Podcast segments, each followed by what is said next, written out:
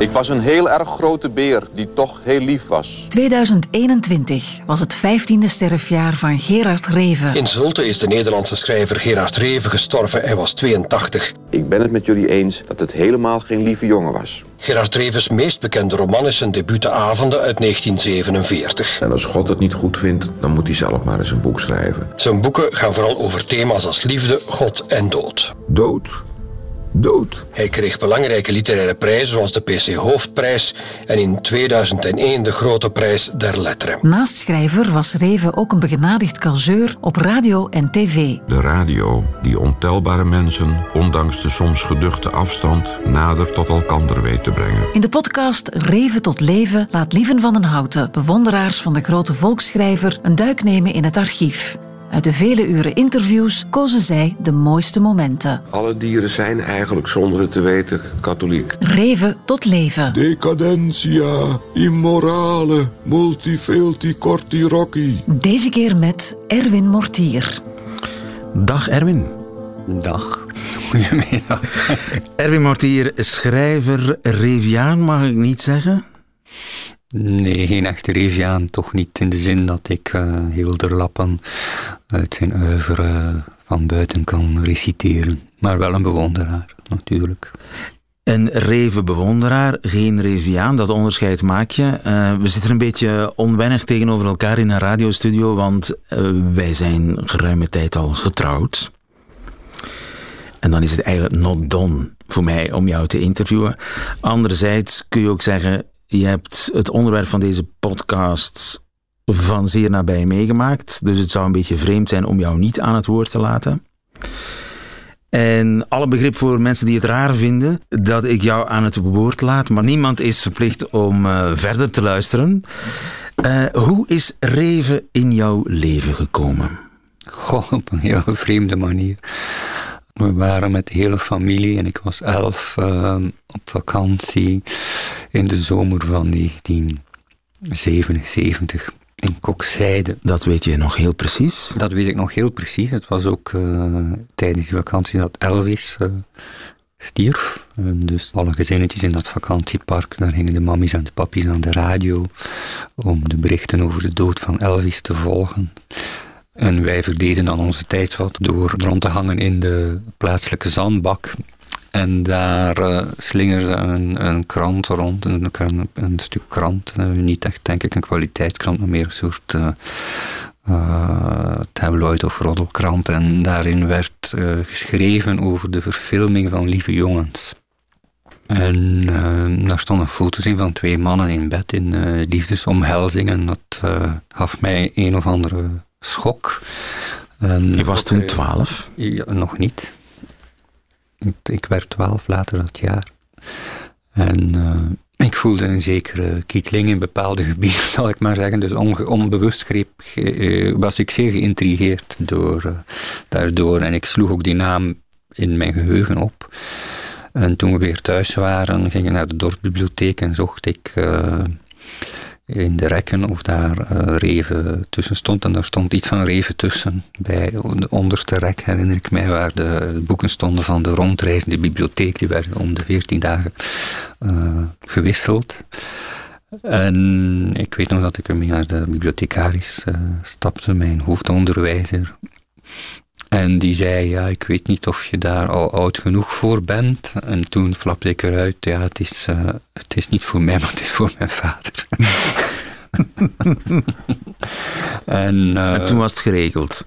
En toen, uh, ik dacht, hij, hij, zag wel dat ik aan het jokken was, maar hij was een heel blezen man en hij wist ook dat ik echt een boekenworm was. Dus hij heeft het boek ook uitgeleend en zelfs op mijn kaart herinner ik me afgestempeld. Ja. En ik herinner me ook, ik weet niet meer welk boek het was. Het is, uh, ik herinner me ook dat ik er eigenlijk niet veel van begreep, dat die taal uh, uh, inderdaad toch nog wat mijn pet te boven hing, maar me ook wel op die, in die mate intrigeerde dat, dat ik toch naar Reven bleef terugkeren. Dat op een gegeven ogenblik, als ik wat ouder was, rond mijn zestiende of zo, dat het plotseling open ging.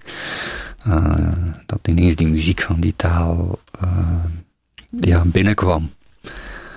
En uh, toen, ja, toen, is het, toen is het begonnen, zal ik maar zeggen. Toen is Reven toch een deel van mijn innerlijke boekenkast geworden. Voel jij je als schrijver enigszins verwant?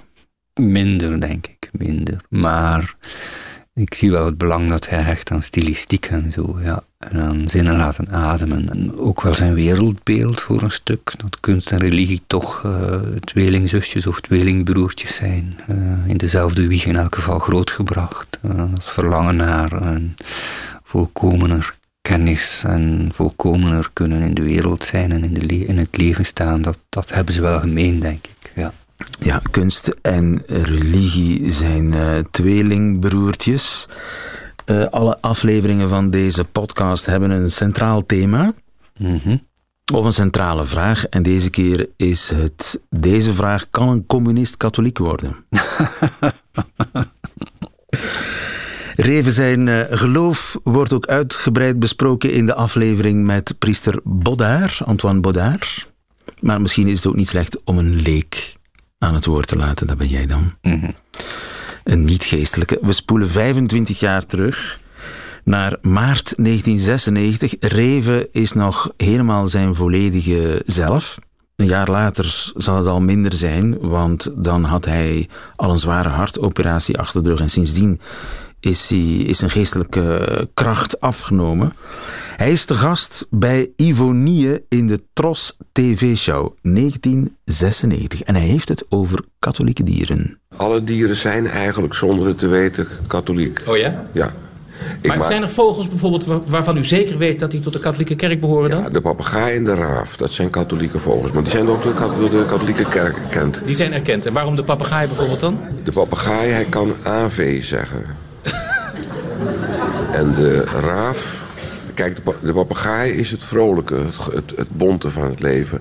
En de raaf is de geweldige ernst en de rouw. Maar als een vogel AV kan zeggen, dan mag hij tot de katholieke kerk behoren. Ja, en ook, uh, ook vogels kunnen, kunnen gezegend worden. Maar die moeten in een kooi worden aangeboden. Anders wordt die kerk een volière.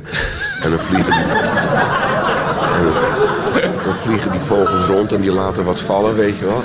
Op, daarop, op, daarop, op een hoogte van, van een heilige, misschien van een heel goddelijk persoon. Heerlijk. Ja, omdat, maar die vogel doet het de goede trouw. Die zegt, geld heb ik niet, maar ik geef wat ik missen kan. ja, de raaf, uh, die is ook katholiek, hè, omdat hij uh, kras zegt. En dat is een deel van het uh, Latijnse spreuken. Hodie mi, cras tibi. Vandaag ik, morgen gij. Ja, dit is reven ten voeten uit, hè? Mm -hmm. Ja, dat is ja, die onafvolgbare ironie van hem. Clown. Ja, en toch een ondergrond van melancholieke ernst, denk ik. Hoe verklaar jij even zijn fascinatie voor katholieke dieren? ik weet niet.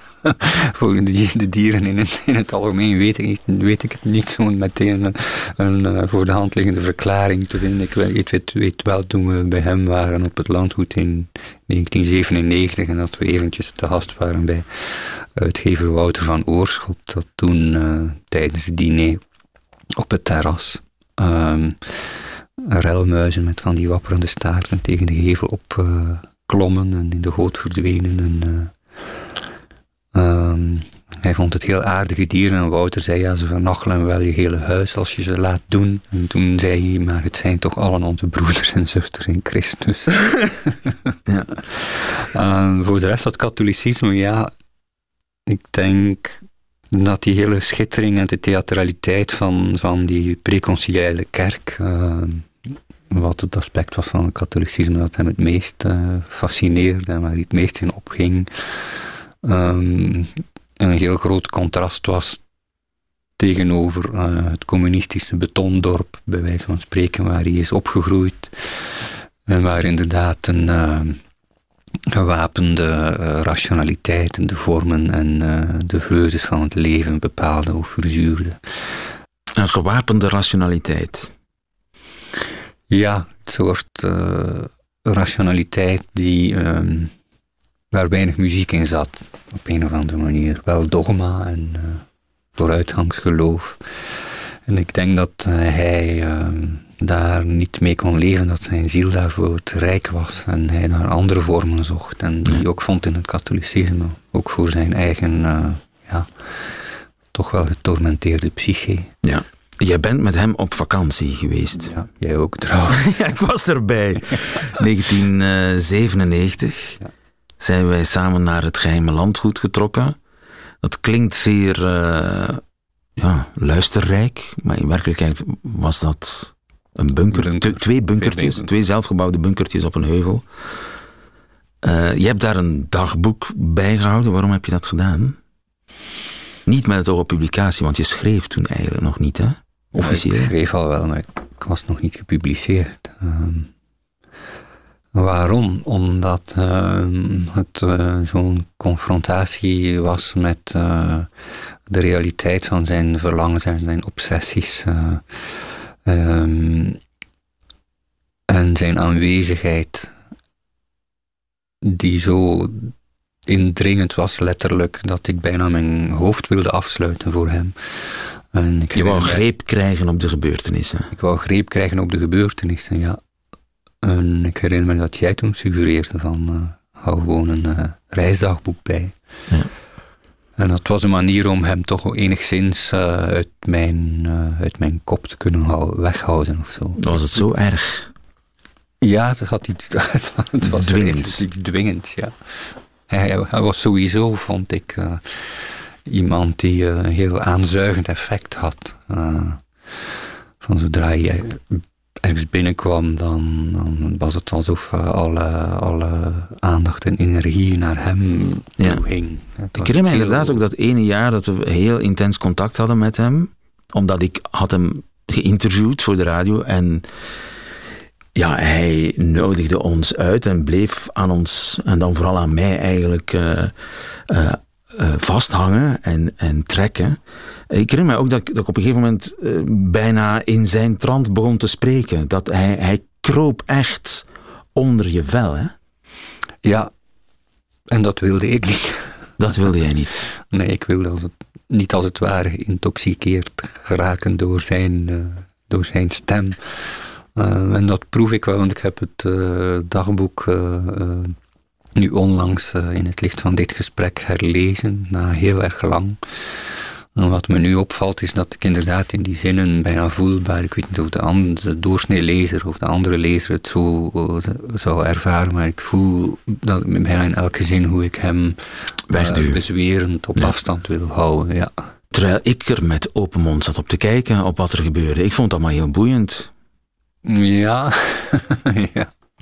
Misschien toch wel goed dat ik in de buurt was. Want hij ontspoorde wel. Hè? Hij begon heel erg veel te drinken, heel erg vervelend te doen. Ja, uh, al zijn seksuele fantasieën uh, los te laten. En kon ons ook geen ogenblik letterlijk met rust laten.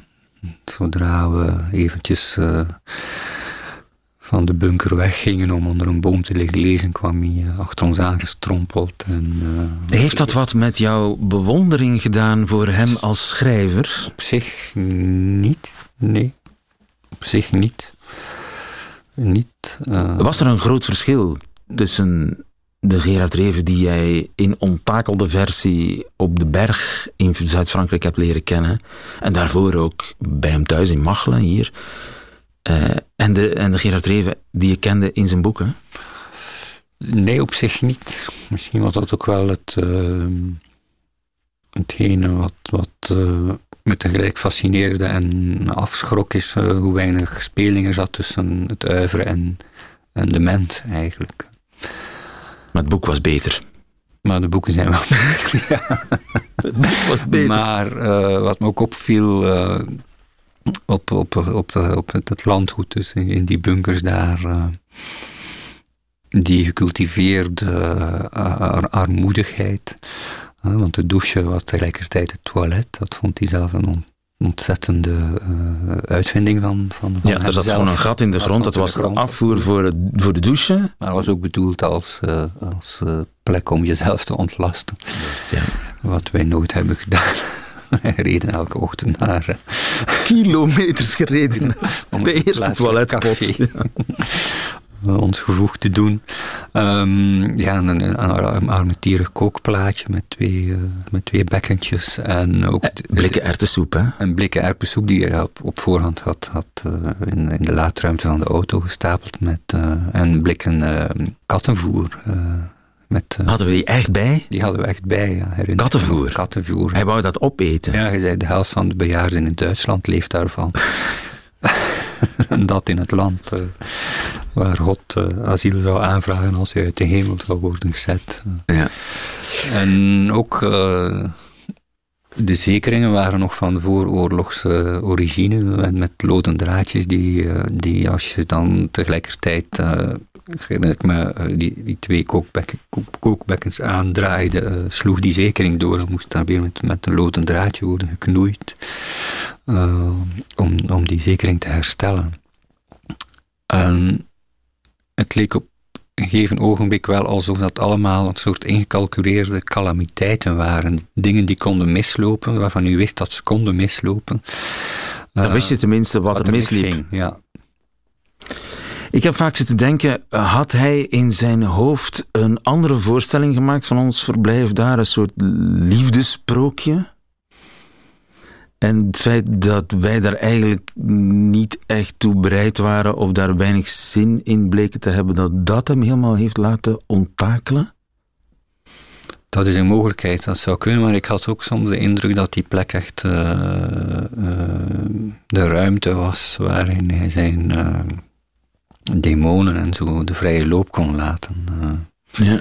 Als het ware bijna in laboratoriumomstandigheden of, of uh, zonder uh, veel schade of zo te berokkenen. Wat mij daar vooral bij opviel en wat mij vooral is bijgebleven, is dat hij zelfs op het dieptepunt van de crisis die hij toen kreeg, want wij zijn op een gegeven moment op zijn voorstel een paar dagen hm. elders op vakantie gegaan en teruggekeerd te hebben hem toen ja, in bijna bewusteloze toestand aangetroffen, omdat hij was er zodanig van overtuigd dat wij hem achtergelaten hadden en terug waren gekeerd naar België, België hm. dat hij, uh, denk ik, een volledige fles rum in één teug uh, heeft opgedronken. Toen was hij letterlijk aan het trillen. Ja. Ja. Maar tegelijkertijd was hij zich bewust van zijn rare gedrag. Hij bleef rationeel. Hij kon zichzelf ook beschouwen. Ja, hij had een, denk ik een heel overmatig uh, bewustzijn. Ja.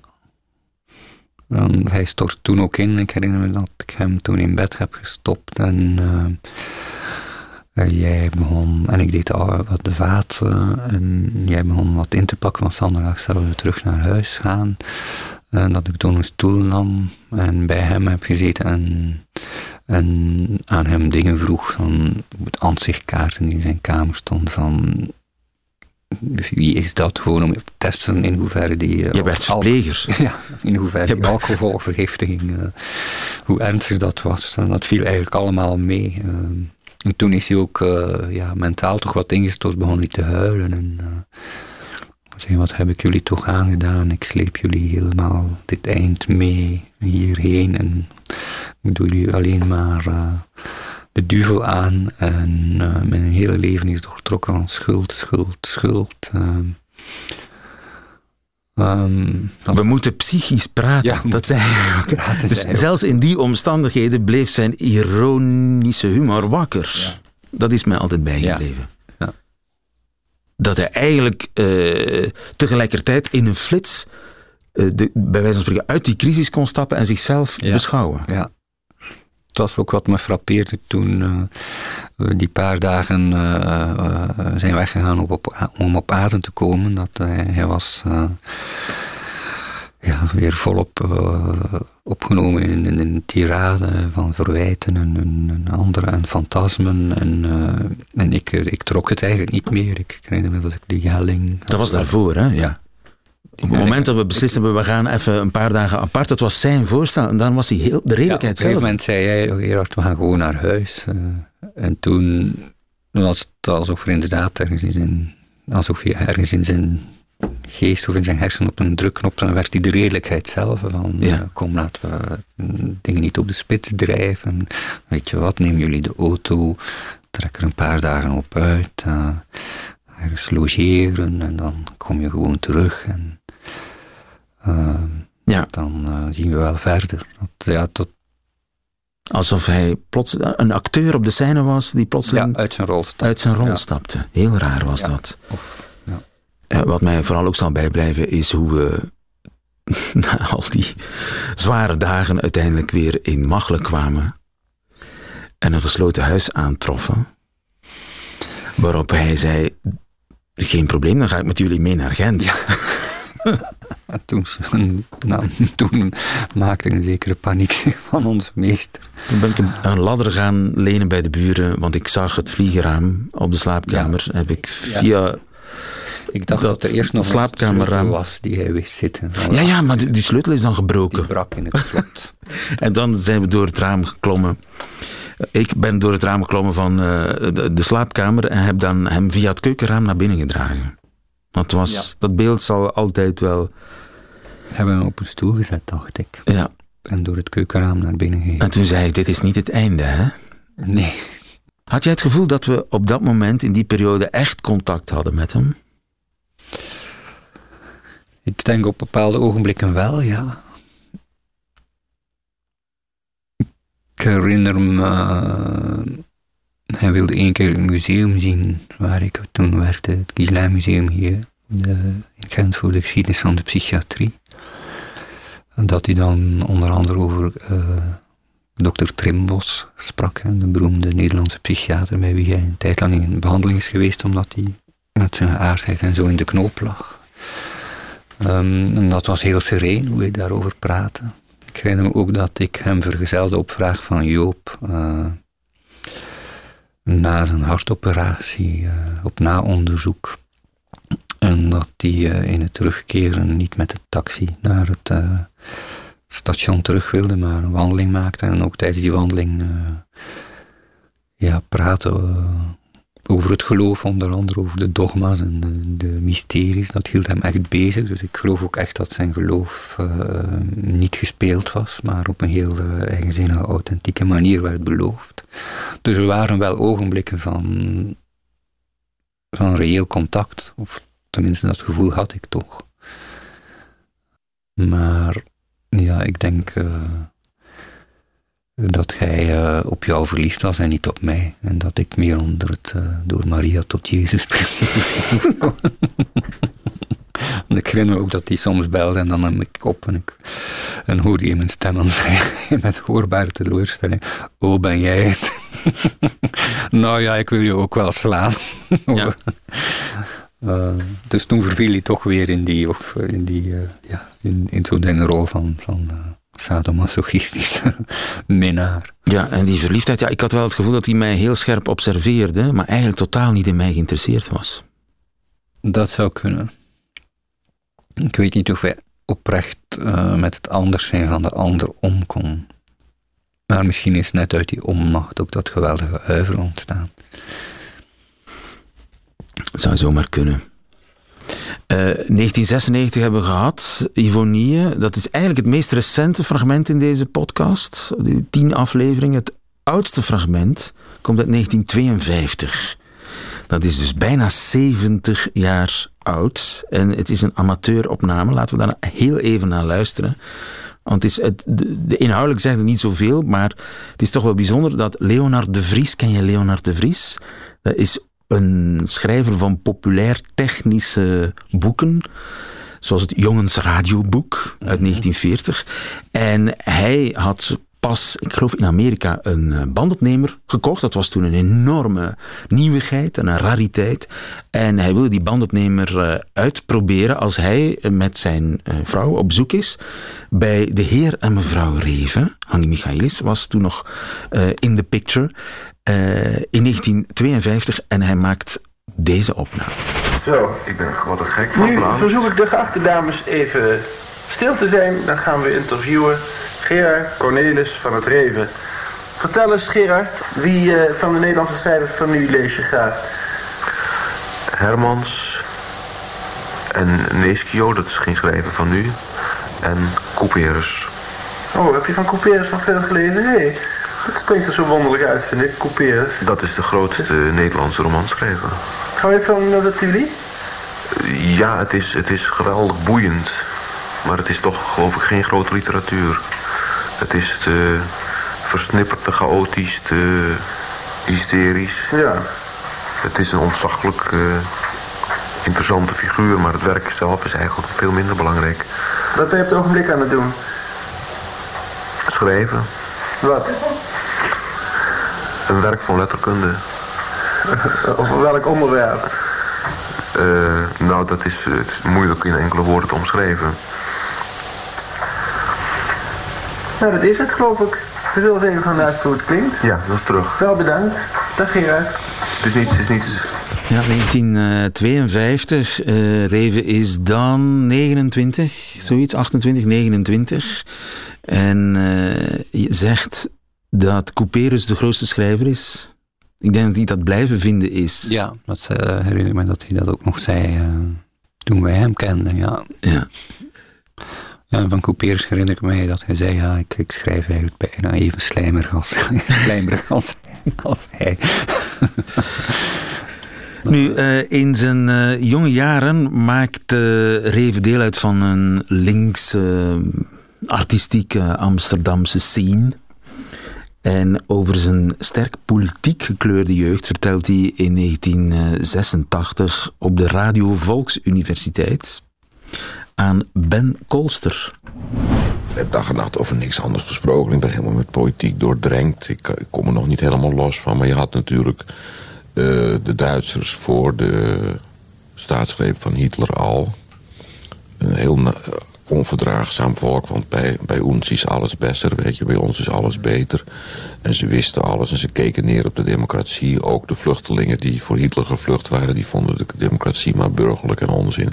Er moest een uh, communistische, werkelijke staat komen, weet je. Je kent dat wel. Maar ze waren... Ach, er waren briljante mensen bij. Er waren aandoenlijke mensen bij. Er waren ook... Het was een, het was een mengsel... Het waren ook voor een deel bezetenen. Er waren geweldige, die geweldige vervolgingswaan die in de communistische wereld altijd heerst. Die paranoia dat de hele wereld samenzweert tegen hun. Ik herinner me nog heel goed, het was iets schitterends. Er logeerde een kameraad, hè, logeerde bij ons en het was oudjaarsavond.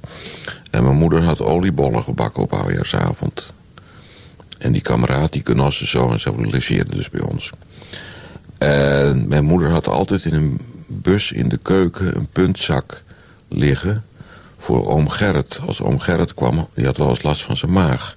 En dan moest hij een lepeltje zuiveringszout nemen. Dus het werd altijd daar in reserve gehouden.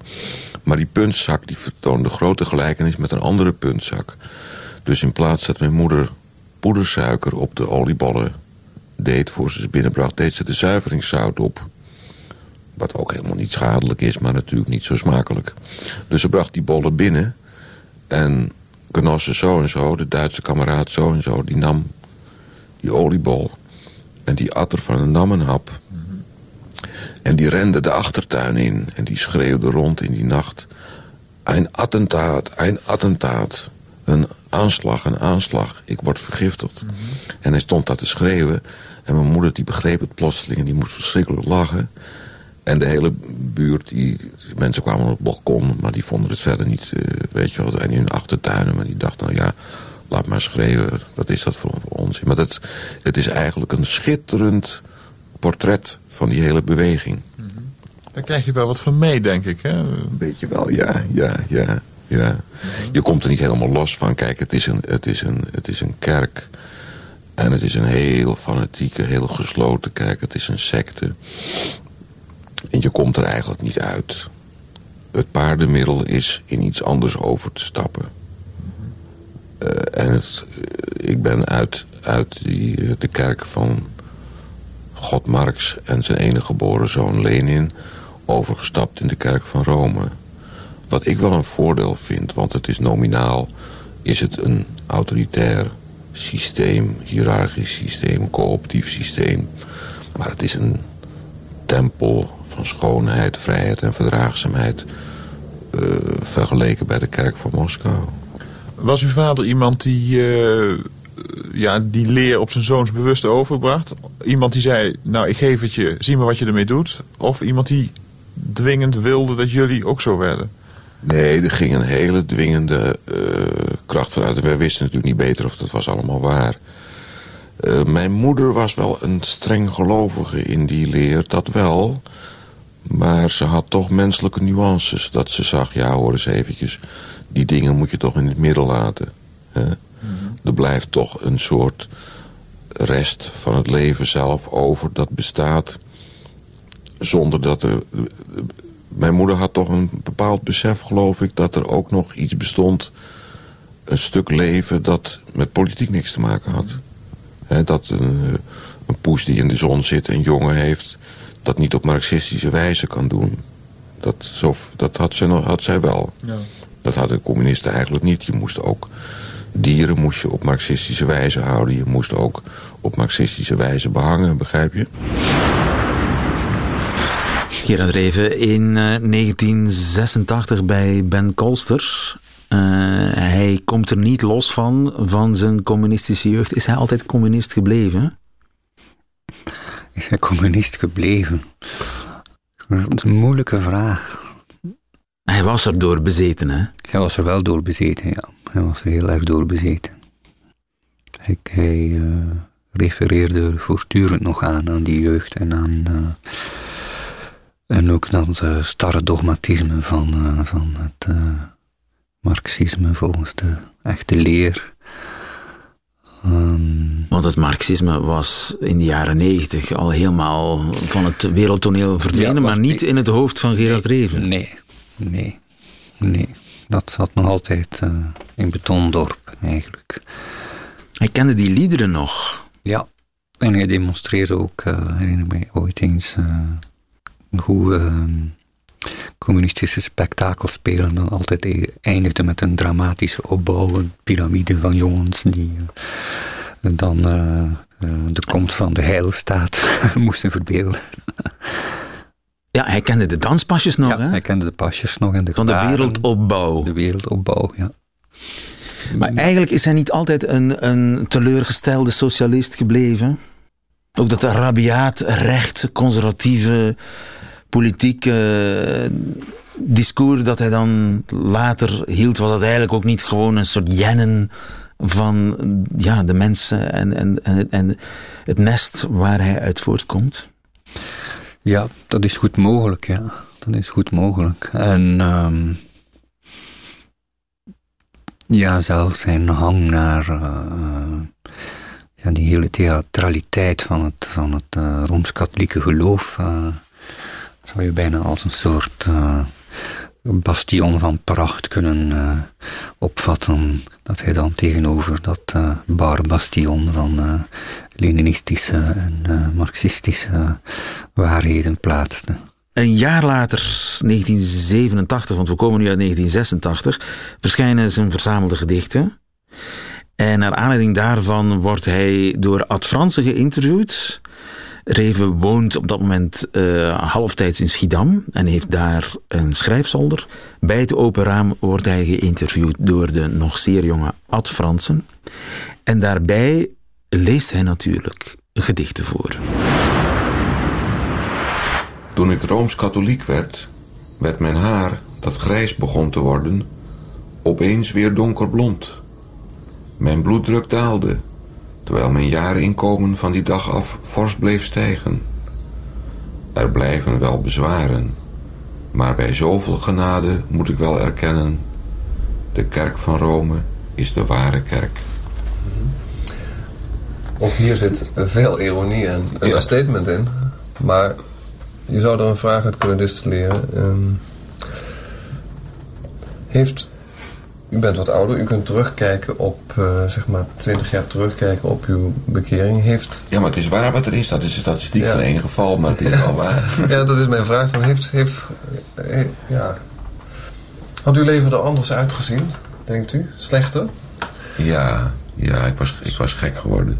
Nu ben ik ook wel gek geworden, maar er zit een systeem in. dat, het blad van het uh, psychiatrisch ziekenhuis Ermelo... dat heeft uh, een citaat van mij prachtig op de achterkant van het omslag van hun maandblad gezet. En dat, dat luidt... Uh, er is niets tegen waanzin zolang er maar Gods zegen op rust... en er bovendien een systeem in zit. Gerard Reven. En een uh, positief christelijk ziekenhuis hoor. Met een gevelsteen. Ik heb gelezen het 100 jaar bestaan. Het is door een groot christelijk filosoof, filantroop gesticht. Een mooi, mooi ziekenhuis hoor. Ik zou er best willen zitten. En met een oude gevelsteen, 100 jaar geleden. hij heeft onze krankheden gedragen. Hij heeft onze ziekte op zich genomen. Mm -hmm. Johannes zoveel. Johannes 21 gedeeld door 6 of zoiets, ik weet niet. We hebben het nu toch over de Bijbel. Je zou natuurlijk, als je dat werk uit gaat vlooien... U zei vooraf, voordat we gingen interviewen... niemand weet dat nog of weet dat meer. Zou je natuurlijk een aantal uh, passages in de Bijbel kunnen aanwijzen... waarop sommige gedichten geënt zijn. Ja, kijk, en, kijk er is een literaire overweging... Ja. dat men vergeet in West-Europa... dat de Bijbel de bodem is van onze cultuur nog steeds... En dat de taal vol is van bijbelcitaten. En als je de schrift niet kent, kun je geen 16 of 17 eeuwse schilderij begrijpen. Zou, zou je eens voor de aardigheid één zo'n... Deze, dit is uh, uit het boek Prediker. Ja. En dan staat hier droeve ervaring met het genot. Wilt u dat eens voorlezen? Er staat een potloodstreep bij. Droeve ervaring met het genot. Toen dacht ik bij mijzelf, kom, ik wil met de vreugde beproeven en het goede genieten. Maar zie, ook dat was ijdelheid. Van het lachen zei ik, dwaas. En van de vreugde, wat heeft het voor nut? ja. Dat is toch een toon, reven. Hè? Ja, ja, ja, ja, ja. ja. Maar het is onuitputtelijk. Je hebt daar een gratis bron hè, van... van uh, uh -huh. Het is raar hoor, dat uh, die drie vertalingen... dus de Statenvertaling in Nederland, de King James in Engeland... en de Luthervertaling in Duitsland... die hebben de nationale taal gevormd. Omdat die mensen dat, dat vertaalden in hun dialect... in het dialect van Dordrecht, Zuid-Holland... werd dat het standaard Nederlands. Het Engels had, was al enigszins een stand, maar de King James heeft die, dat, dat Engels vastgelegd. Hmm. Luther schreef in het dialect van zijn streek, het Duits. Er was helemaal geen eenheid in de Duitse taal. Maar dat is het Duits geworden van de Luther-vertaling. En het is een, het is een groot, uh, groot erfgoed. Maar als je er zegt... Je moet toch zeggen tegen studenten Nederlands... Als je zegt... Jullie moeten... Dat is helemaal niet zo duur. Je moet een statenvertaling kopen van het Bijbelgenootschap of een gereviseerde statenvertaling, die moeten jullie lezen. Moet je gewoon maar elke week een hoofdstuk lezen. Dat is niet uit je hoofd te kennen. Maar je kunt geen Nederlands studeren als je de Bijbel niet kent. En je ziet altijd, komen die foto's in de krant van een schilderij wat geveild wordt. En dan is het een bericht uit Engeland. En dan staat er... Uh, the adoration of, of the three magi. En dan staat er in het, in het handelsblad de aanbidding van de drie magiërs. Maar de aanbidding door de drie koningen, zeggen wij. Begrijp je wat ik bedoel? Ja, de drie magiërs in plaats van de drie koningen. Hij wijst hier op het belang van de Bijbel als bron van het Nederlands. Ben je het daarmee eens? Ja, absoluut. In zijn taal uh, galmt die statenvertaling voortdurend door. Ja, want als hij dat stukje voorleest, is het echt reven. Ja, ja. Terwijl het prediker is. En hij heeft ook gelijk dat, uh, want ik dacht toen hij aan het praten was, als hij het zelf niet doet, moet ik straks ook toch wel uh, de King James vertaling en de Luther vertaling vermelden, omdat dat in Europa toch de grondvesten zijn geweest van die talen. doordat de protestanten zich losrukten van de, de doctrine dat de Bijbel alleen in het Latijn mocht worden geschreven en verkondigd dus dat heeft in die landen uh, echt het fundament gelegd voor, voor, voor een, een unifierde taal, die ook een gemeenschap definieert. Wij hebben, zoals veel andere katholieke landen, moeten wachten tot ja, na het concili. Dus tot de jaren zestig voor de eerste bijbels in het uh, Nederlands uh, toegelaten werden. En dan hebben ze zich in eerlijke schaamte gebaseerd op de Statenvertaling. En daar een, naar mijn smaak, iets wat verwaterde versie van uh, geproduceerd. En zou het kunnen dat de Vlamingen daardoor een achterstand hebben opgelopen?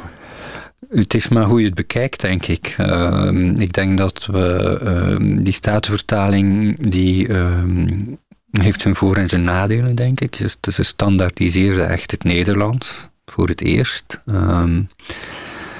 Um, en uh, dat is natuurlijk een geweldige gebeurtenis in onze cultuurgeschiedenis. Uh, maar anderzijds uh, legde ze impliciet toch ook regels vast. En ik denk dat een van de fundamentele verschillen tussen de Noord-Nederlandse literatuur en de Zuid-Nederlandse, de onze, is dat wij um, wat minder naar de letter zijn. Dus ehm, dat die achterstand wat artistiek, wat katholieker, maar uh, door die linguïstieke achterstand eigenlijk artistiek soms een voordeel hebben, omdat we meer sjoemelen en durven spelen met de taal. Dat hoor ik tot gezen vaak in Nederland, dat wij Zuid-Nederlanders uh, uh, losser uh, omspringen met de taal en creatiever en misschien en, zelfs van nature. Ik weet niet of het klopt, maar allerlei geleerde mensen daar boven de Moerdijk beweren dat, dat wij van nature bijna avant-gardisten zijn. Ja, interessante hypothese, maar we gaan terug naar Reven en zijn geloof. Uh, we zaten, even kijken, in 1987. We gaan terug in de tijd, terug naar de vroege jaren 60. Uh, 1963 om precies te zijn. Op weg naar het einde is net uit. Uh, 15 jaar na de avonden staat hij weer volop in de belangstelling. Want in de jaren 50 heeft hij wat ja, gesukkeld, zeg maar. Hij, had niet echt iets van dezelfde allure uh, als de avonden. Dat, daar komt verandering in met Op weg naar het einde. Want wat in de avonden zo verborgen bleef, namelijk zijn homoseksualiteit en zijn geloof, komt in Op weg naar het einde tevoorschijn. En hij wordt voor de AVRO geïnterviewd door professor Hans Gomperts, Leidse professor literatuur. Uiteraard over dat geloof en over die seksuele geaardheid. Er zijn geruchten gegaan dat je katholiek zou gaan worden. Wat is daarvan waar? Uh, nou, ik beschouw mezelf eigenlijk als een christen, maar een beetje als een, uh, als een beetje een, uh, ja, wat, hoe ik het precies noemen wil. Maar ik bedoel, ik vind het christendom is de waarheid, de weg aan het leven. Ik bedoel, dat zijn de evangeliën, maar daarbij tegelijkertijd zie ik geen enkele tastbare, concrete hoop voor een mens. Ik bedoel, we leven en we sterven en dat is het. En als wij eeuwig willen leven, dan moeten we dat tussen onze geboorte en onze dood doen. Ik geloof niet in enig persoonlijk menselijk heil. Maar waarom noem je jezelf dan wel christen? Want dat hoort toch wel bij de meeste opvattingen van het christendom? Ja, volgens mij is dat niet de essentiële betekenis van het christendom. Ik geloof dat het inhoudt dat wij uh, uit de dood moeten opstaan, dat wij de dood moeten overwinnen. In die zin dat wij uh, de dood op een gegeven ogenblik als onbelangrijk moeten zien, als niet wezenlijk, als niet ter zake doend. Ik bedoel, het hele idee van de mens dat hij voor zichzelf een voortgezet bestaan na de dood opeist, is absurd, is dwaas, is ook de mens onwaardig. Het hele idee is al krankzinnig, want waarom zou er een dood moeten zijn en dat dan, en dan weer als we met aflevering 2 beginnen? Niet? Ja, maar de, deze achtergrond, deze, deze gedachten die je daarover hebt, die hebben natuurlijk ook een duidelijke weerspiegeling in je werk. Ja. Maar heb je ook het gevoel dat ze je helpen? Ja, religiositeit is iets heel wezenlijks in mij. Uh, de symbolen daarvan zijn, zijn werkelijke symbolen waar ik gewoon, gewoon mee leef. Dat zijn, dat zijn voorstellingen. Dat zijn geen concrete tastbare dingen natuurlijk. Je, je, kan, je kan er niks voor, je kan niet ergens gaan inwisselen. De bakker geeft er geen brood voor. Maar het zijn toch dingen die voor mij absoluut wezenlijke dingen zijn. In mijn bestaan. En ook in mijn werk, in mijn manier van de dingen beschouwen. Ja. Trouwens, dat zie je in mijn hele werk, die merkwaardige uh, archaïsche taal. Dat, dat, dat, dat gebruiken van, van hele oude, van oerbegrippen als het ware. Ja. Ja. Uh, maar heb je het gevoel dat je nog, ook nog wel begrip hebt voor mensen zoals blijkbaar de, je ouders, de, het gezin waar je uit stamt, die niet religieus waren, of je dat uh, levensgevoel van deze mensen ook nog kunt begrijpen? Nou, ik weet het niet. Ik, uh, ja, natuurlijk is het te begrijpen. Vrij, het grootste deel van de mensen leeft zo natuurlijk. Hè? Oh, dat weet ik niet. Dat statistisch zal het wel niet de meerderheid zijn. Nou ja, maar de meerderheid van de mensen die wel uh, zeggen dat ze religieus zijn, zijn volgens mij niet religieus in de, in de gewone zin. Ik bedoel, het zijn mensen die, die, die beweren dat ze geloven, maar geloven is het wegwerpen van elke zekerheid. Hè? Ja. Geloven is uh, weten dat je leeft, dat je verstuift naar de hand als as op de wind, dat er niets van je overblijft, geen gedachten is, niets. En als je dan uh, God erkent en, en lief hebt, dan geloof je. Maar geloof dat iets verwacht, is geen geloof, volgens mij. Maar dit, dit geloof, dat vind je dus geen belemmering voor je werk, maar juist een, een belangrijke steun. Het gevoel dus dat, dat het eigenlijk met reden beschouwd ons hele bestaan zinloos is. Al heeft het natuurlijk wel een, een zin, hè, maar een zin die niet uh, menselijk samen te vatten is, die niet rationeel samen te vatten is. Een zin die je niet kent? Uh, die nooit vast te leggen is. Die zich aan je onttrekt. Hè? Maar hoe weet je dat die bestaat? Dat weet ik niet, dat geloof ik. Ja. He, dat is de grootste onzekerheid. Dus. Maar nu, nu, dus nu vraag ik me af om tot het literaire ja. thema terug te keren. Hoe is dat nou voor het schrijven van verhalen of van romans? Uh, als die zo sterk één geloof heeft, kan die dan ook nog in verschillende personages zich uh, opsplitsen uh, die bijvoorbeeld ten dele dat geloof niet hebben? Het lijkt mij dat hij juist, dat hij juist het verruimt, het bevrijdt. Hè? En, dat, en datzelfde zou je bijvoorbeeld ook met een eenzijdige erotische gerichtheid zeggen. Dat je net zo goed ook in een roman dan uh, mensen van uh, de andere erotische gerichtheid kunt uh, gebruiken en maken ja, maar en zijn, begrijpen. Maar dat is toch precies dezelfde beperking, alleen... alleen alleen de andere kant op. Ander, ander, ander hok, hè? Ja, dus dat vind je, uh, deze dingen vind je absoluut geen beperking voor een roman. Nee, ik bedoel, ik bedoel in enige tastbare beperking. Laat zeggen dat iemand zegt... Ik, ik beschrijf het leven wat zich hier de laatste acht dagen heeft afgespeeld in deze achterkamer. Dat kan toch ook een universum worden, als die man schrijven kan? Ja. Huh? Ik bedoel, de meeste uh, schrijvers uh, schrijven eindeloos over precies hetzelfde. Het is in zo'n lucifersdoosje samen te vatten waar het altijd maar over gaat. Hè? En er wordt altijd gezegd, ze herhalen zichzelf. Alsof ze een ander zou kunnen herhalen. Hè? Je doet nooit iets anders dan jezelf herhalen. Je moet niets anders doen zelfs. Ja, ja maar ik, wat, wat mij dus eigenlijk al door dwars zit... en ik weet niet of ik het duidelijk zeg... is dat je dat eerste boek, dat, dat toch uh, op, zijn, uh, op zijn niveau bijzonder geslaagd was... dat dat als een complete roman uitgekomen is... terwijl je toen allerlei geloven bent gaan krijgen... en jezelf bent gaan vastleggen in allerlei dingen... en uh, je meer toen in kleiner werk bent gaan versnipperen. Ach kijk, je moet, je moet het zo zien, geloof ik, dat je moet dat geloof niet zien als iets... Je ziet het als van de wetenschapsman uit. Hè? Je ziet het als iets wat zich als tastbaar aanbiedt. Wat uh, bewezen wil worden. Wat een vaste maatschappelijke plaats wil hebben. Maar het wezen daarvan is juist dat het alleen maar een... Of alleen maar, maar een levensgevoel, een levenshouding is. En verder is het niets. Verder kan het nergens aanspraak op maken. Ja, ja. Hè? Het geldt ook alleen maar voor mij. Wat ik zie, geloof, geldt alleen maar voor mij, maar niet voor een ander mens. Hoe zou dat ooit kunnen? Nou ja, als je, als je gelooft dat het de waarheid is, dan is het natuurlijk... Het woord waarheid houdt in dat het ook voor anderen geldt. Ach, de waarheid. Ik bedoel, de waarheid heeft veel, veel aangezichten. Hè? Ja. Maar ja, je hebt dus voorkeur voor één van die aangezichten. Het is een kwestie van, van hoe je het aankleedt. Hè? Als je het hebt over God, wat bedoel je dan ermee? Dat is maar een woord, niet? Maar het is een betrekkelijk bruikbaar woord. Ja.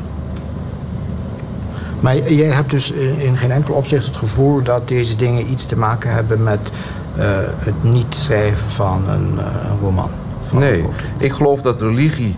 Uh, religie is eigenlijk een. Je weet, als je het indeelt, tenminste, dat is niet van mij, maar dat is van de gevestigde psychologie. Die deelt de erotiek in in seksuele erotiek, sociale erotiek, religieuze erotiek. Niet? En dat, dat, uh, dat, dat de seksuele en de sociale en de religieuze erotiek... dat die eindeloos verstrengeld zijn. En als je daarvan bewust wordt, dat je dat niet meer apart houdt...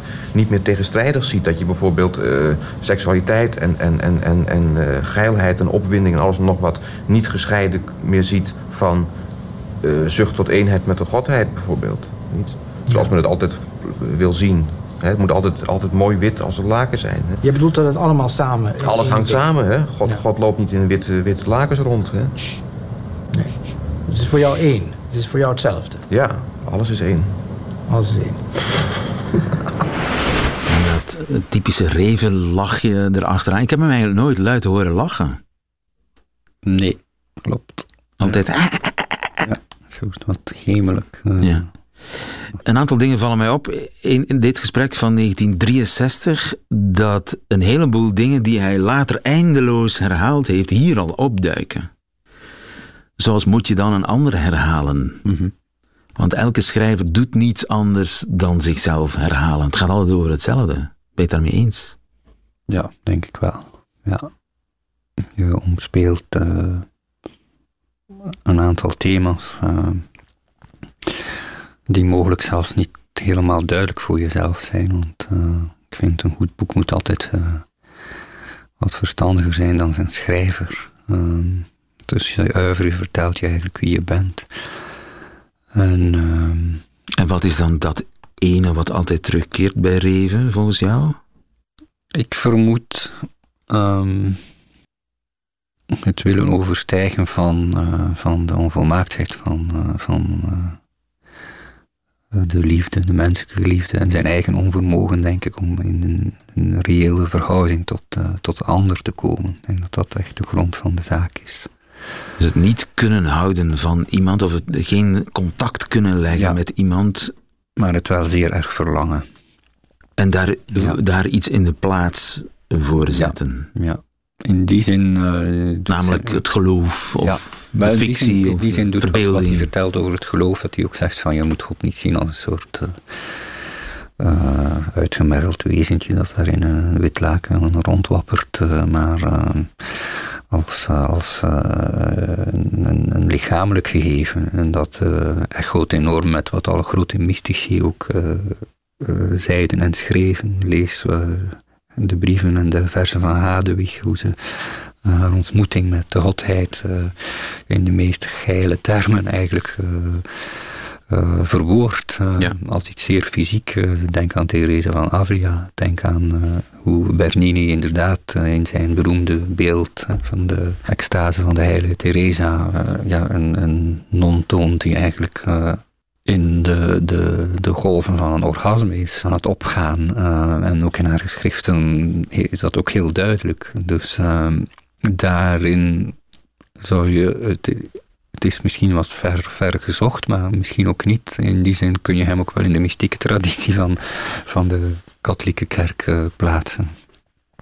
En ik herinner de 20e eeuwse Hadewig. 20e eeuwse mysticus, ja.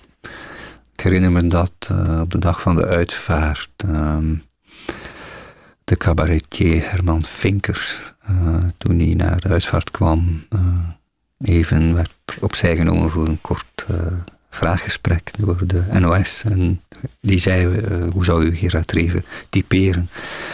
En hij zei als een van de grootste mystici.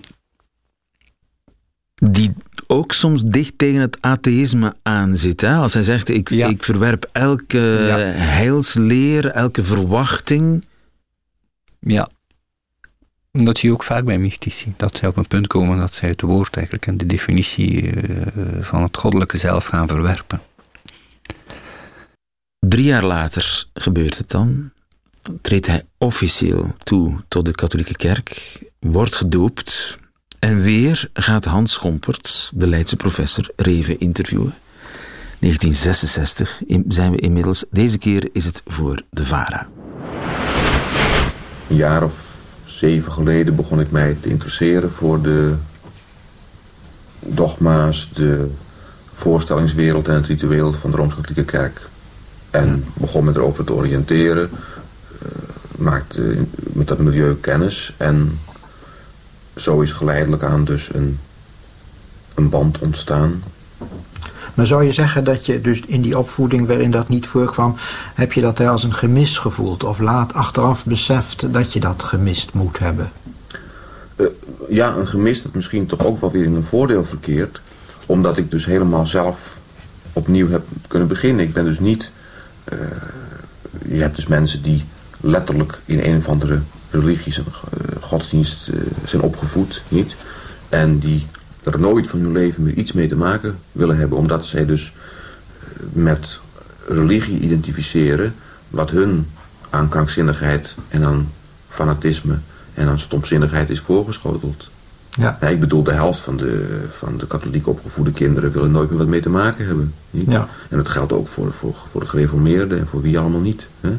Ja, omdat ze dus door het geloof aan banden gelegd zijn. Nee, omdat dat? ze, dus, dat ze dus eigenlijk geen echt geloof eh, te zien gekregen hebben. Nou ja, dus niet door het geloof, maar door de, de kerkelijke opvatting of de, wat ze in, hun, in het gezin waar ze in Nou, de smakeloze, domme manier waarop het, het, waarin het wordt opgedist. En de, en de, de, de waarheidswaan. Hè, van als je dat niet gelooft, dan is het helemaal mis. En die buurman die, die, die gaat zeker naar de hel en dergelijke. Nou weet ja, je wel. dat zie jij dus allemaal anders.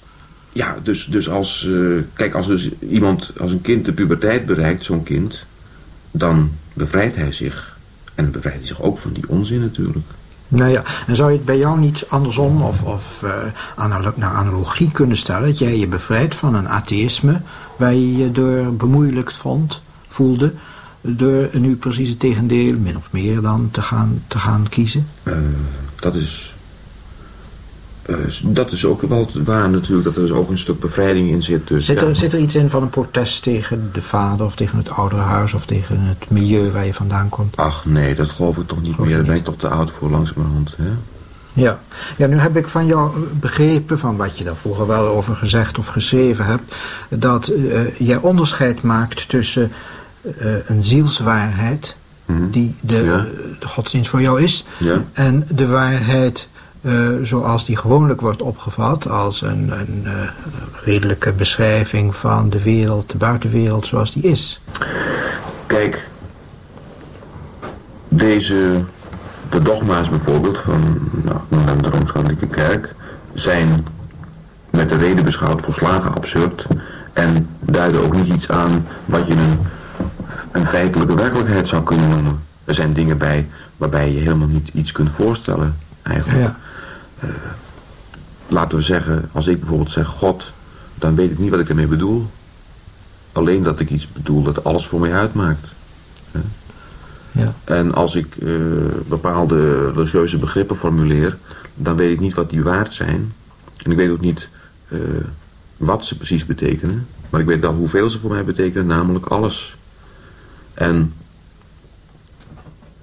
zo mag men dus ook religieuze waarheden niet te lijf gaan met eh, rationele argumenten ertegen, omdat het op een ander vlak ligt, omdat het van een andere, andere orde is. Ik bedoel, je kan niet een bakkerswinkel binnengaan en zeggen, geeft u mij anderhalf volkoren gesneden, en als het dan op betalen aankomt, zeggen betalen.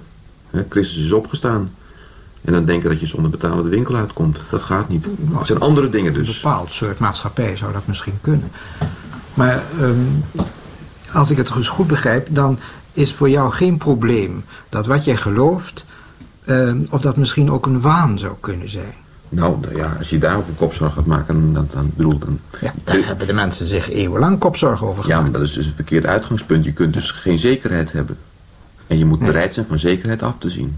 Niet, Ja. ik, ik weet dus helemaal niet eh, of God bestaat, weet ik niet. Dat zal ik nooit weten.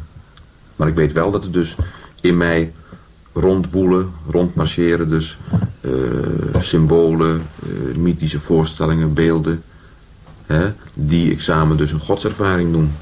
Wat ze waard zijn, weet ik niet. En of ze geldigheid hebben, weet ik niet. En of ze objectief iets zijn, weet ik ook niet. Ik weet alleen maar dus dat ze alles voor mij betekenen. En dat ze van beslissende betekenis zijn voor mijn leven, voor mijn werk, voor mijn omgang met andere mensen. Ja. Meer weet ik niet. En meer kan ik ook, ik kan niet eens, ik kan er niets verder over uitmaken. En, het, en, en uiteraard kan ik er ook eh, daarvan andere mensen niets opleggen. Ja, ja. Maar wa- waarom heb je dus op grond van deze duidelijk religieuze belevenissen eh, het nodig gevonden om toe te treden tot die eh, Rooms-Katholieke Kerk met zijn hele exacte Nou, leerstellingen? kijk, het is zo, nou zo exact kun je ze ook weer niet noemen. Maar het is zo, ik verkeerde dus jarenlang in die groep. Ik ontdekte dat die mensen eh, met al hun gebreken en met alle stomzinnigheid en bekrompenheid, die, eh, bedoel, dat is niet alleen, bedoel, overal ter wereld niet, in elk instituut, maar dat eh, dat er een bepaalde fundamentele waardering was. Ik bedoel niet artistieke bewondering hè, voor mijn artistieke interpretatie, maar een bepaalde Begrip. fundamentele begrip, waardering was voor mijn voorstellingswereld op religieus gebied. Mijn, ik noem maar wat, verbinden van seksualiteit met, eh, met religieuze mystiek. Hè? Eh, zelfs, zelfs zeer vreemde, hartstochtelijke dingen, sadisme en al die dat soort dingen. Hè? Eh, men ervoer dat niet, heeft men beschouwde dat niet als, als strijdig met, met en het is, is het ook inderdaad niet. En het, het was dus een verwantschap. Ik, werd dus, ik kon dus mijn inspiratie uit die bronnen voeden en uit dat contact met die mensen. En dat heeft jaren en jaren geduurd. En toen heb ik op een gegeven moment gedacht, kijk, ik wil deze, deze waardering eh, en deze eh, hulp bij de ontplooiing van mijn hele artistieke wezen eigenlijk, die ik uit die bronnen heb, krijg, wil ik ook graag honoreren door met die mensen in één groep te zijn, door het lot van die mensen te delen, door, als het kan, bij te dragen aan de ontwikkeling van de religieuze ideeën en allerlei ideeën die zich in die kerk voltrekken. Hè? Dus in de eerste plaats solidariteit. Solidariteit, loyaliteit en niet altijd maar weer een, een buitenstaander blijven die het zo precies weet. Dus je voelt je daar meer thuis, je voelt je ook verantwoordelijk voor die groep. Je voelt, je hebt, je, dat heb je geloof ik ergens gezegd, je hebt bepaalde religieuze idealen die je hoopt dat deze groep Ja. eerder zal kunnen Ja, verwerkelijken. ik zie daar meer kans in die groep. Maar kun je daar iets over zeggen, wat dat zijn? Eh, ik, ja, wat, de, wat de, stel je voor? Ja, de, ik stel, er staat mij eigenlijk een religie voor ogen die zich ontwikkelen zal. En ik zal het wel niet meer meemaken, maar eh, waarbij de beleider eh, niets anders zal beogen dan zichzelf te openen voor God in plaats van eh, God te willen bemachtigen en dienstbaar te willen maken aan de vervulling van infantiele begeerten.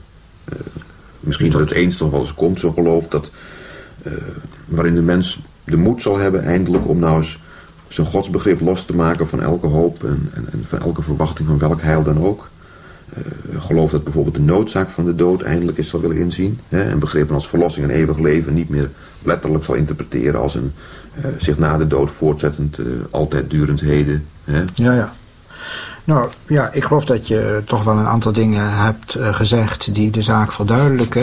En eh, ik zou eh, je daarvoor willen bedanken en eh, ook je toewensen dat je in de katholieke kerk zult vinden wat je er hoopt te vinden. Dank je, dank je. Ja, of dat gebeurd is, dat eh, weten we natuurlijk niet helemaal zeker. Eh, heb je hem ooit in religieuze extase meegemaakt? Eh, toen we met hem in Frankrijk waren, heb ik hem op een middag eh, in, eh, in eh, zijn bunker ehm, zien bidden. Voor het Mariabeeld, er stond een nis in zijn kamer waar hij ook sliep, stond een Mariabeeld en ook een soort bidstoel. En wij waren ja, ergens aan het lezen en ik, ik, eh, ik ging op zoek naar een boek of naar een pen of zo in, eh, in ons deel van de bunker waar wij ons eh, hadden verschanst. En toen zat hij geknield voor het Mariabeeld met een paternoster. Zat hij dus echt de paternoster. En, en, en, en- Zich kruis- onbespied wanend. Zich onbespied wanend, ja. Hij was een kruisteken aan het maken. Ja, ja. Ja. Dus het was echt. Ik, ik ga ervan uit van wel, ja. Maar hij kon er elk moment enorm de draak mee steken. Hij kon er elk moment enorm de draak mee steken en hij... eh, ja, en misschien toch ook weer niet, want dat hele proces waar die eh, enigszins verbouwereerde professor Gompert zit ook. Ja, eh, we- we- een lang stuk hebben we gehoord net, eh, professor Gompert, eh, 1966. Dan is dat ezelsproces nog volop bezig, of het, het Ja. moet nog komen. Eh, straf, er is een strafzaak. Ja. Hij wordt verdacht van smadelijke godslastering, omdat hij eh, God voorstelt als een ezel waarmee hij vervolgens de daad mee bedrijft. Ja. En uiteindelijk heeft hij dan eh, zichzelf verdedigd en heeft hij, ook, heeft, hij, heeft hij ook gelijk gekregen van het Hof. Eh, dus het Hof redeneerde eigenlijk dat eh, een mens vrij was van zijn eigen godsvoorstelling te hebben. En eh, hij heeft dat zelf ook op briljante wijze verdedigd en is ook later gepubliceerd. Dus ja, hij, was geloof, hij stak er de draak mee nee, Hij gaf er gewoon zijn eigen uiting en expressie van. Ja. Denk ik. Ja. Eh, Want we hebben hem nog meegemaakt op Bedevaart, ook in Kevelaar, net op de Nederlandse grens in Duitsland. En ik dacht ook, hij zal, we gaan nu de Mariale Reven zien, maar hij, hij was eigenlijk gewoon de andere bedevaarders aan het uitlachen. Ja. Hij had voor ons ook een, een, een plastic paternoster mee, zodat we niet uit de toon vielen. Dan kregen we elke paternoster aangereikt en dan zaten we een beetje devoot te doen in die kapel. En dan kwam er ook een ouder echt, Duits echtpaar binnen en toen mompelde hij zo tussen de tanden door van... Die man denkt nu, ik heb niks gedaan hoor, ik moest alleen maar die wagons bewaken. Ik moest alleen maar die wagons bewaken. En ook hij, hij uh, in Kevelaar uh, herinner ik me dat, dat die kaarsen wilden branden votiefkaarsen. En dan stak je een flinke som in dat offerblok en dan haalde je toch een flink handvol kaarsen tevoorschijn. En ik dacht, ik ga ze nu ter eer en glorie van uh, de heilige maagd uh, aansteken. Wanneer die verdwenen in zijn heb je er thuis ook nog iets aan. Pleit voor een belangeloos geloof. Dat staat natuurlijk haaks op die bedevaartorde waar ja, gebeden wordt voor een rijbewijs en goede afloop van het een of andere examen en diploma. Maar hij pleit voor een religie die niets van God verwacht, maar zich gewoon voor hem openstelt. Daar droomt hij van. Dat is 55 jaar geleden. Ja. Dat interview. Maar ja, vandaag de dag zou je dat pleidooi nog kunnen houden. Hè? Ja. Meer nog dan toen, Meer dan denk toen, ik. ja. Meer dan toen. Ja. Nu was die Hans Schomperts nog een hele vriendelijke en meegaande interviewer. Ja. Adriaan van Dis, zoveel jaar later, 1985, het jaar van het pausbezoek aan België en Nederland. Eh, Adriaan van Dis was dat veel minder. Eh, hij nodigde Reven uit in zijn legendarische talkshow. Hier is Adriaan van Dis. En het ging natuurlijk uiteraard over de paus en diens nogal strakke standpunten in verband met de seksualiteit en het huwelijk. Homoseksualiteit, zegt de paus, tast de familieband aan. Doet dat niet een beetje zeer? Maar heeft hij dat gezegd of is dat gewoon... Hij heeft dat gezegd. Ja. Tenminste, ik heb de toespraken gelezen uh, in uittreksels in couranten en hier en daar ergens opgevraagd. Nou kijk, ik heb het, ik heb het ingezet in de Nieuw- Nieuw-Rotterdamse Courant... dat die formuleringen, die zeggen iets heel concreet... en die bedoelen iets anders. En dat is... Het betekent, wij willen dat niet kanoniseren. Wij willen het niet sacraal inlijven. We weten nog helemaal niet wat het is. Wij willen geen lesbische huwelijk in de kerk inzegenen. We willen geen homoseksuele mannenhuwelijk in de kerk inzegenen. Dat willen wij niet. Maar verder is er helemaal geen agressie. Ik mogen u op wijzen dat 15, 16, 17 jaar geleden... toen ik lid was als bestuurslid van onze homoseksuele vakbond... dat er toen al een pastoraal bureau was van de katholieke kerk... dat zich met homo's in nood bemoeide. Op een tijdstip dat de Nederlandse Vereniging van Seksuele Hervorming... het woord nog niet eens dorst uit te spreken. En ik ben in die 20 jaar nog nooit door een katholiek erover lastiggevallen. Niet door een priester, niet door een biechtvader of wat Nee, nee, u niet. Kijk, en ik kan me voorstellen dat... dat, dat Maar ik heb ook niemand, niemand gesproken die er lastig Ja, maar toch een angstige homoseksuele boekhouder uit Overschie...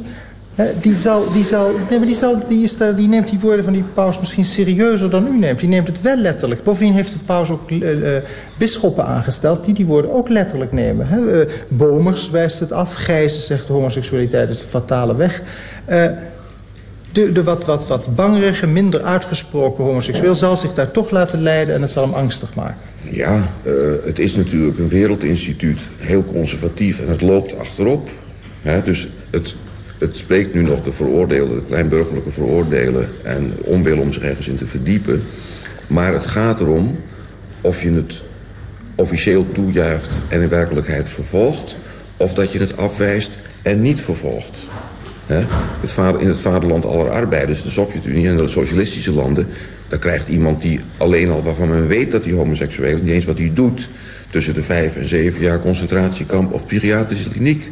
Maar er zit geen enkele homoseksuele op bevel van de paus... in een psychiatrische kliniek of in een concentratiekamp. Nee, dat Daar is, gaat het om. de- precies, dat is veranderd. Maar ik, ik, u moet me gaan vervelen met wat er in de eeuwen, door de eeuwen gebeurd is... uit naam van de katholieke kerk met homoseksuelen. Want daar ik Ja, aardige dat, hoofdstuk daar hebben we niks aan. We hebben het over wat er nu aan de hand is. Ik bedoel, vroeger... Ja, maar, maar u bent iemand geweest die altijd taboes heeft doorbroken.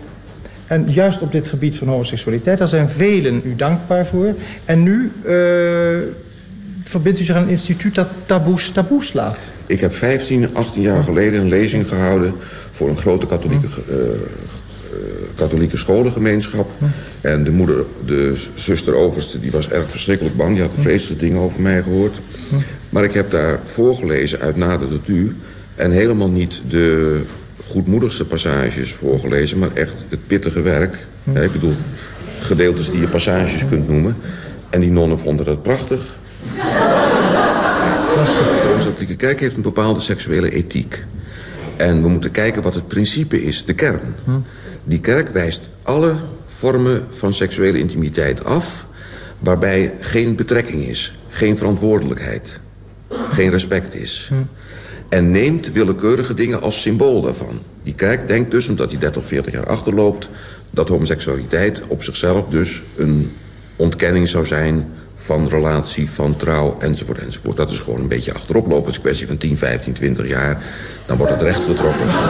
Maar, door de, maar, de, maar de uitlatingen van de paus bevorderen zo'n mentaliteitsverandering onder brede lagen toch niet? Ik wil best de kerk, ik wil de kerk wel 100 jaar geven. Maar dan moet je zo'n aardige eh, man als Johannes de 23e er neerzetten die om alles lacht.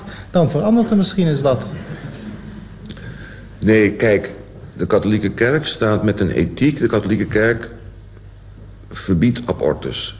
Dat zegt die kerk, dat is zondig. Maar de kerk bedoelt dat het andere standpunt... dat abortus de gewoonste zaak van de wereld is... als- alsof je je neus snuit... en dat, het, dat notabene het abortus in het ziekenfondspakket zou moeten worden opgenomen... terwijl zwangerschap toch geen ziekte is. Hè? Dat, zegt, dat is steeds dus een bodem van een echte ethiek. Een werkelijke ethiek. De, de katholieke kerk zegt het huwelijk is heilig. Dat is waar. Je zou moeten zeggen natuurlijk, omdat het heilig is... moet het ook onbindbaar zijn als het een karikatuur wordt. Maar steeds is het zo dat als de partijen tegenover elkaar staan...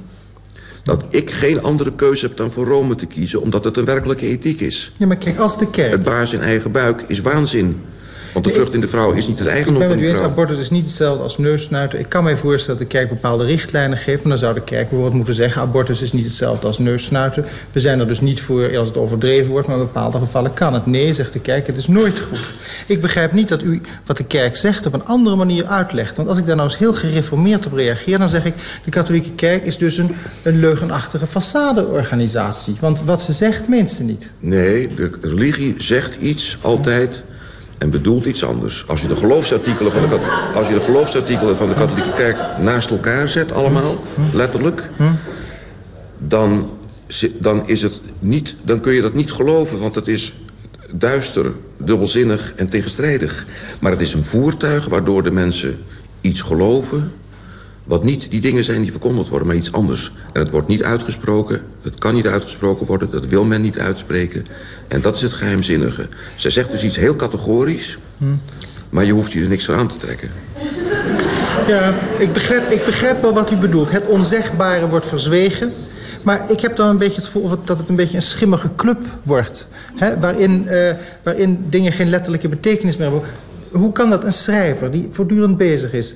eh, de waarheid bloot te leggen, zo scherp mogelijk te formuleren... de dingen zo helder mogelijk te zeggen... hoe kan hij zich aangetrokken voelen tot een kerk... die juist de vleesgeworden ironie klaarblijkelijk vertegenwoordigt? Nou, kijk, die redenvoeringen over het, de onzedelijkheid... en over tekorte rokjes en al dat soort dingen... Dat zijn, die kun je voor kennisgeving aannemen. Dat, zijn geen, eh, dat zijn geen onfeilbare waarheden.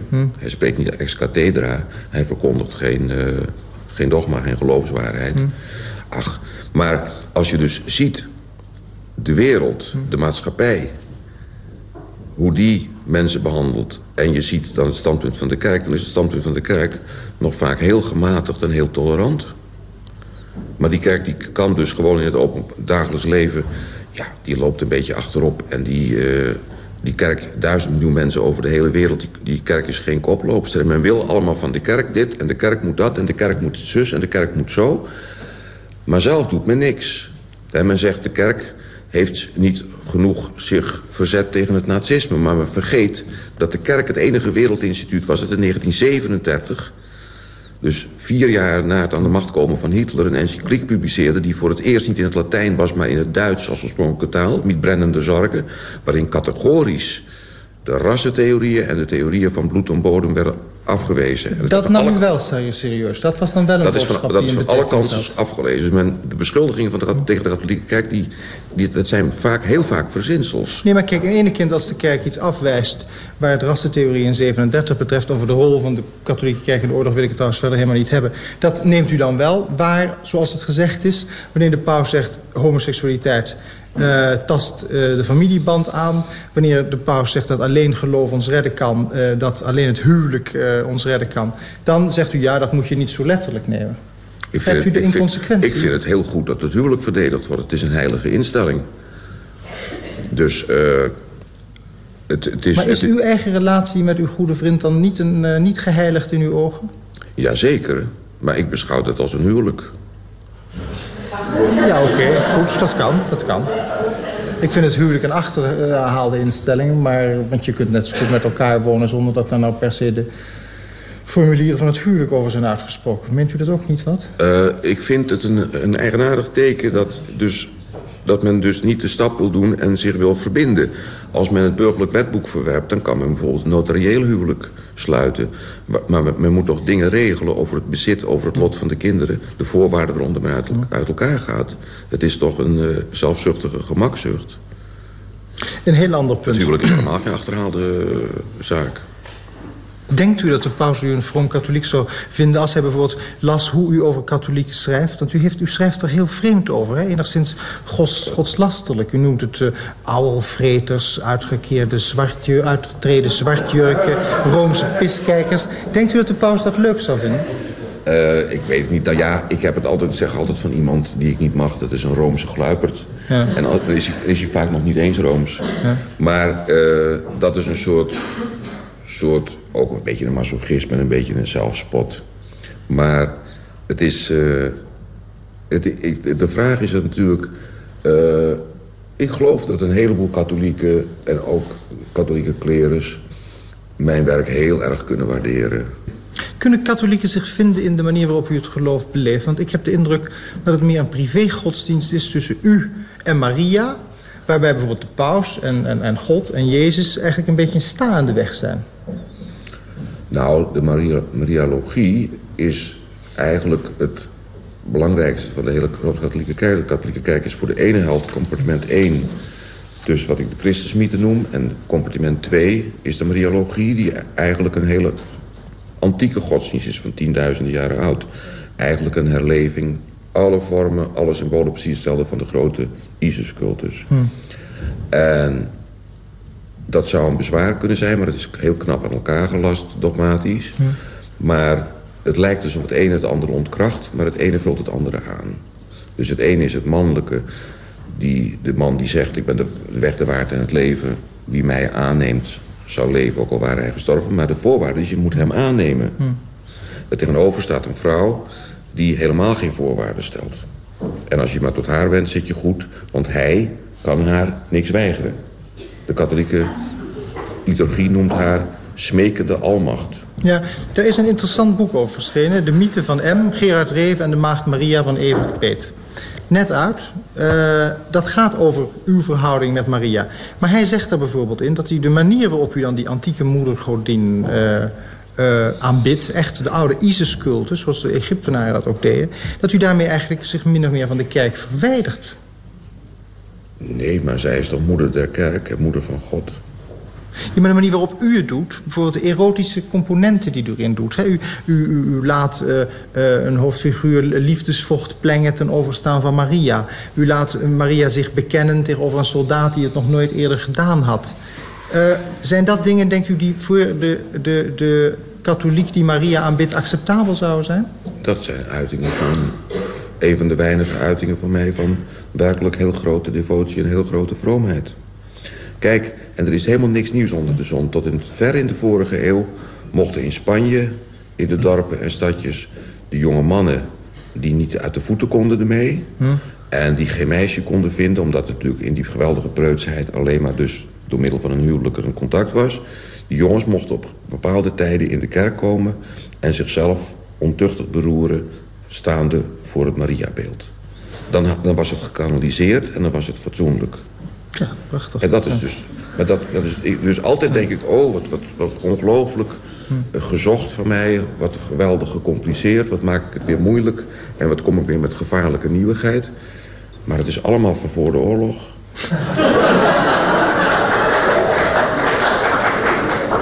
Die Peet van het boekje, die wijst ook op een hele interessante verschuiving in uw werk. Aanvankelijk was u op God de Vader gefixeerd, zegt hij. En tenslotte werd dat verdongen door Maria. En volgens, mij, volgens hem heeft dat dan te maken met de weerzin die u had van uw vader, hè, belichaamd in het communisme. En dat u daardoor naar uw moeder bent getrokken. Wat vindt u van zo'n Dat dat is zo'n zo'n psychologische theorie, die, die trek je gauw. En dat is niet geheel onwaar natuurlijk. Maar je zou natuurlijk ook wel... Er zou ook iets anders het gevolg kunnen zijn. Het is dus niet helemaal... Het, zit erin, het heeft ermee te maken, zeker. Eh, er zijn mensen die katholicisme wel mooi vinden... maar die zich er helemaal niet in thuis voelen... omdat ze bijvoorbeeld geen moederbeeld en geen moederbinding... en geen moederverering kennen. Voor hun is de moeder datgene wat hun ontwikkeling en alles in de weg heeft gestaan. Maar u kent wel een moederverering. De, de allesbegrijpende moeder uit de avonden. Ja, kijk. Ja. Ik zeg wel eens tegen Maria... Hoe komt u nou bij om op mij, zulk een slecht en zondig mens... zoveel gunsten uit te storten? Maar dan zegt ze tegen me... Gerard, ik verbied je om zo over jezelf te spreken. en dan...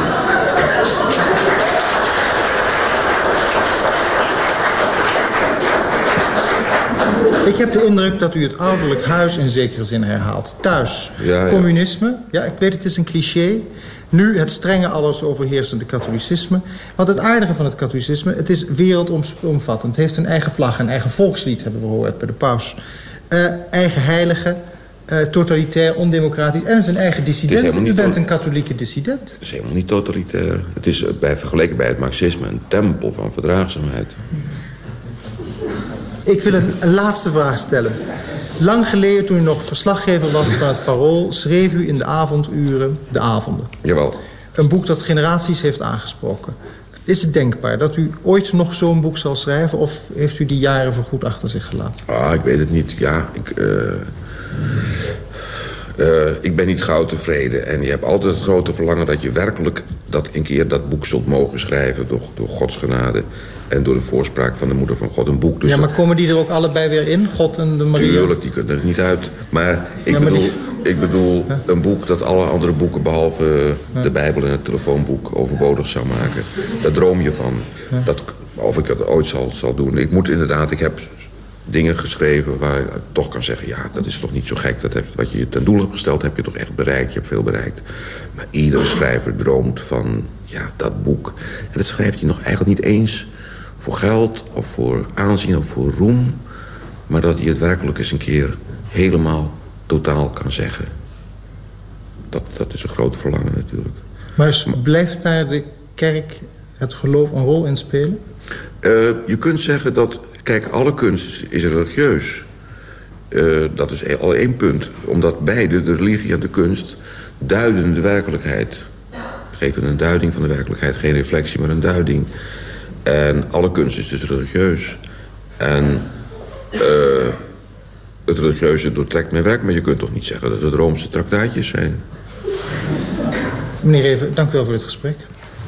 Ja.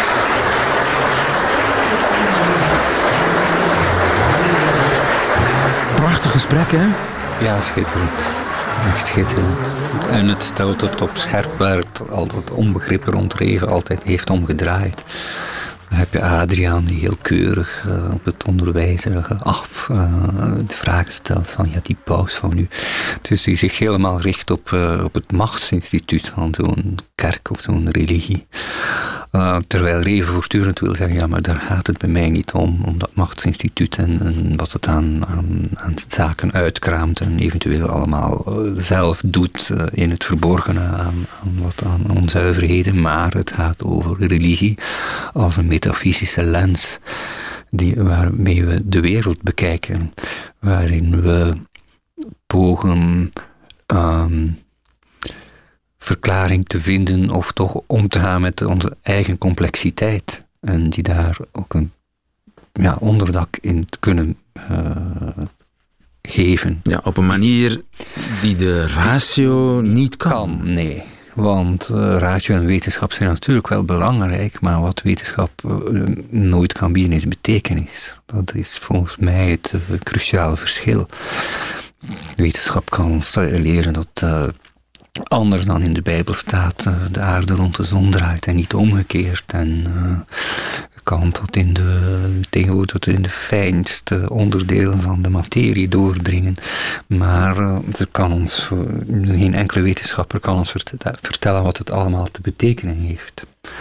Dus als je andere mensen en andere culturen wilt leren kennen, dan moet je niet bijvoorbeeld gaan kijken hoe ze in Cairo aan algebra doen, want dat doen ze op dezelfde wijze als ze het in Brussel doen of in New York.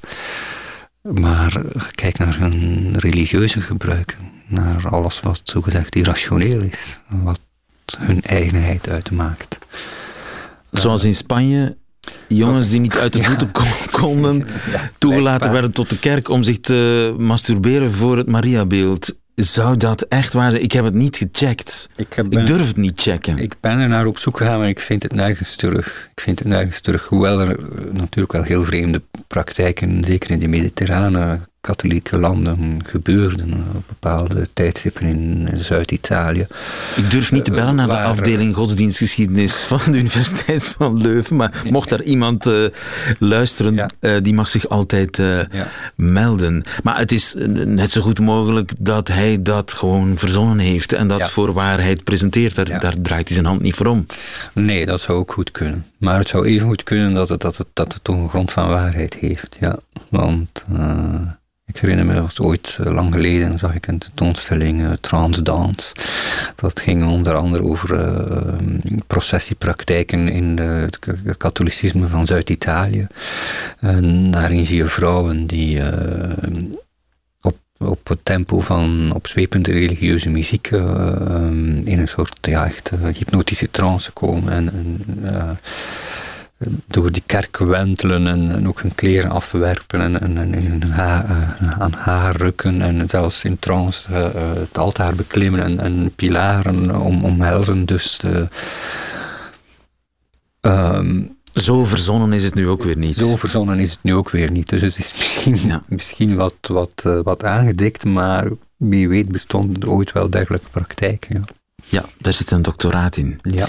Uh, wat mij ook opviel, ja natuurlijk dat hij toch even in de moeilijkheden kwam doordat uh, Reven hem ja, confronteerde met de uitspraken van de paus over homoseksualiteit. Uitgerekend de man, de pionier die in de vroege jaren zestig al uh, ja, een emanciperende rol heeft gespeeld uh, in zaken homoseksualiteit. We zijn 1985 als dit uh, mm -hmm. uh, interview plaatsvindt. De, de, hele gelijkberechtiging moet nog komen. Het homohuwelijk is nog verre toekomst. En net op dat moment gaat hij zich associëren met een instituut, een wereldinstituut, dat de homoseksueel eigenlijk aan de kant schuift. Ja, daar, daar, daar blijft hij wel mee wringen, hè? Ja, daar blijft hij mee wringen. Dat is iets wat wat uiteindelijk ook uh, indruist tegen die grote droom van hem van een kerk die uh, uh, dat soort eh, zaken achterwege laat, dat soort eh, uitspraken met de hamer van de rechter achterwege laat en meer een, um, ja, een existentiële openheid nastreeft. Daar moet je toch de, de kunde van Adriaan als interviewer erkennen dat hij Reven op dat punt brengt dat, dat hij niet alles kan rijmen. Nee, nee. Maar ja, hij veronderstelt natuurlijk dat Reven een soort uh, campagne voert voor een kerk en dat, hij zieltjes wint. dat is natuurlijk ook van, dat is wat uh, Adriaan dan weer niet, niet begrijpt. Uh, dat Reven daar niet zit als een proseliet.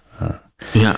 En dat ze hem in die kerk ook niet zo beschouwen. En zeker niet zeker voorschuiven als nee. kijkers. De grootste nee. schrijver van Nederland nee. en Vlaanderen samen. Katholiek, nee. Is katholiek, verre van. Nee, wat hij voortdurend zegt, uh, of probeert te duidelijk te maken, is aan Adriaan van, ja, ik, ik, ik, uh, ik geef op mijn eigen wijze uiting aan dat geloof. En uh, wat die, wat, wat die anderen verkondigen, daar heb ik eigenlijk niet zoveel mee te maken. Ja, ja. maar goed, het blijven protestanten, hè. Ja. Blijven dominees vaak. Maar alle respect, prachtig interview. Ja. Dankjewel Adriaan van Dis. Dankjewel ook Erwin Mhm. wa- voor deze lange zit. Eh, deze aflevering over eh, religie en kunst die tweelingbroertjes zijn. Waar jij eh, eh, volledig ook achter staat, achter die uitspraak. Kun je daar volledig in vinden. Hebben, ik heb nog een gedicht. Raad eens, welk gedicht? Katholicisme? Mhm. Dagsluiting? Ja, ja, nee, dat is al verkocht. Aan, aan priester Bodaar, helaas. Nee, verras me. Multifilti Corti Ach, Rocchi. God, Ja, natuurlijk. De blijde boodschap. Ja. Bedankt Erwin, bedankt ook luisteraar om eh, het vol te houden tot op dit punt. Dankjewel ook aan alle omroepen, de VPRO, de AVRO, de VARA, voor het ter beschikking stellen van het archiefmateriaal. En we luisteren nog naar de blijde boodschap. Ik zat met kloppend hart voor de kleurentelevisie en dacht... Zijne heiligheid zal toch wel gewacht maken van het toenemend verval der zeden? En ja hoor, nauwelijks was hij begonnen of ik hoorde al...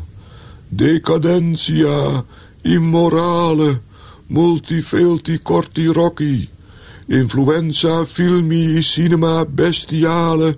Contra sacrissima matrimoniacale criminale atheistarum rerum novarum et cum spiritu tuo cortomo niks aan de hand daar. Het was jammer dat het zo kort duurde, maar toen het uit was, was er fijne muziek van het leger. Ik vind dit leven al geweldig en straks nog het eeuwig leven in de hemel. Je vraagt je wel eens af, waar hebben wij het aan verdiend?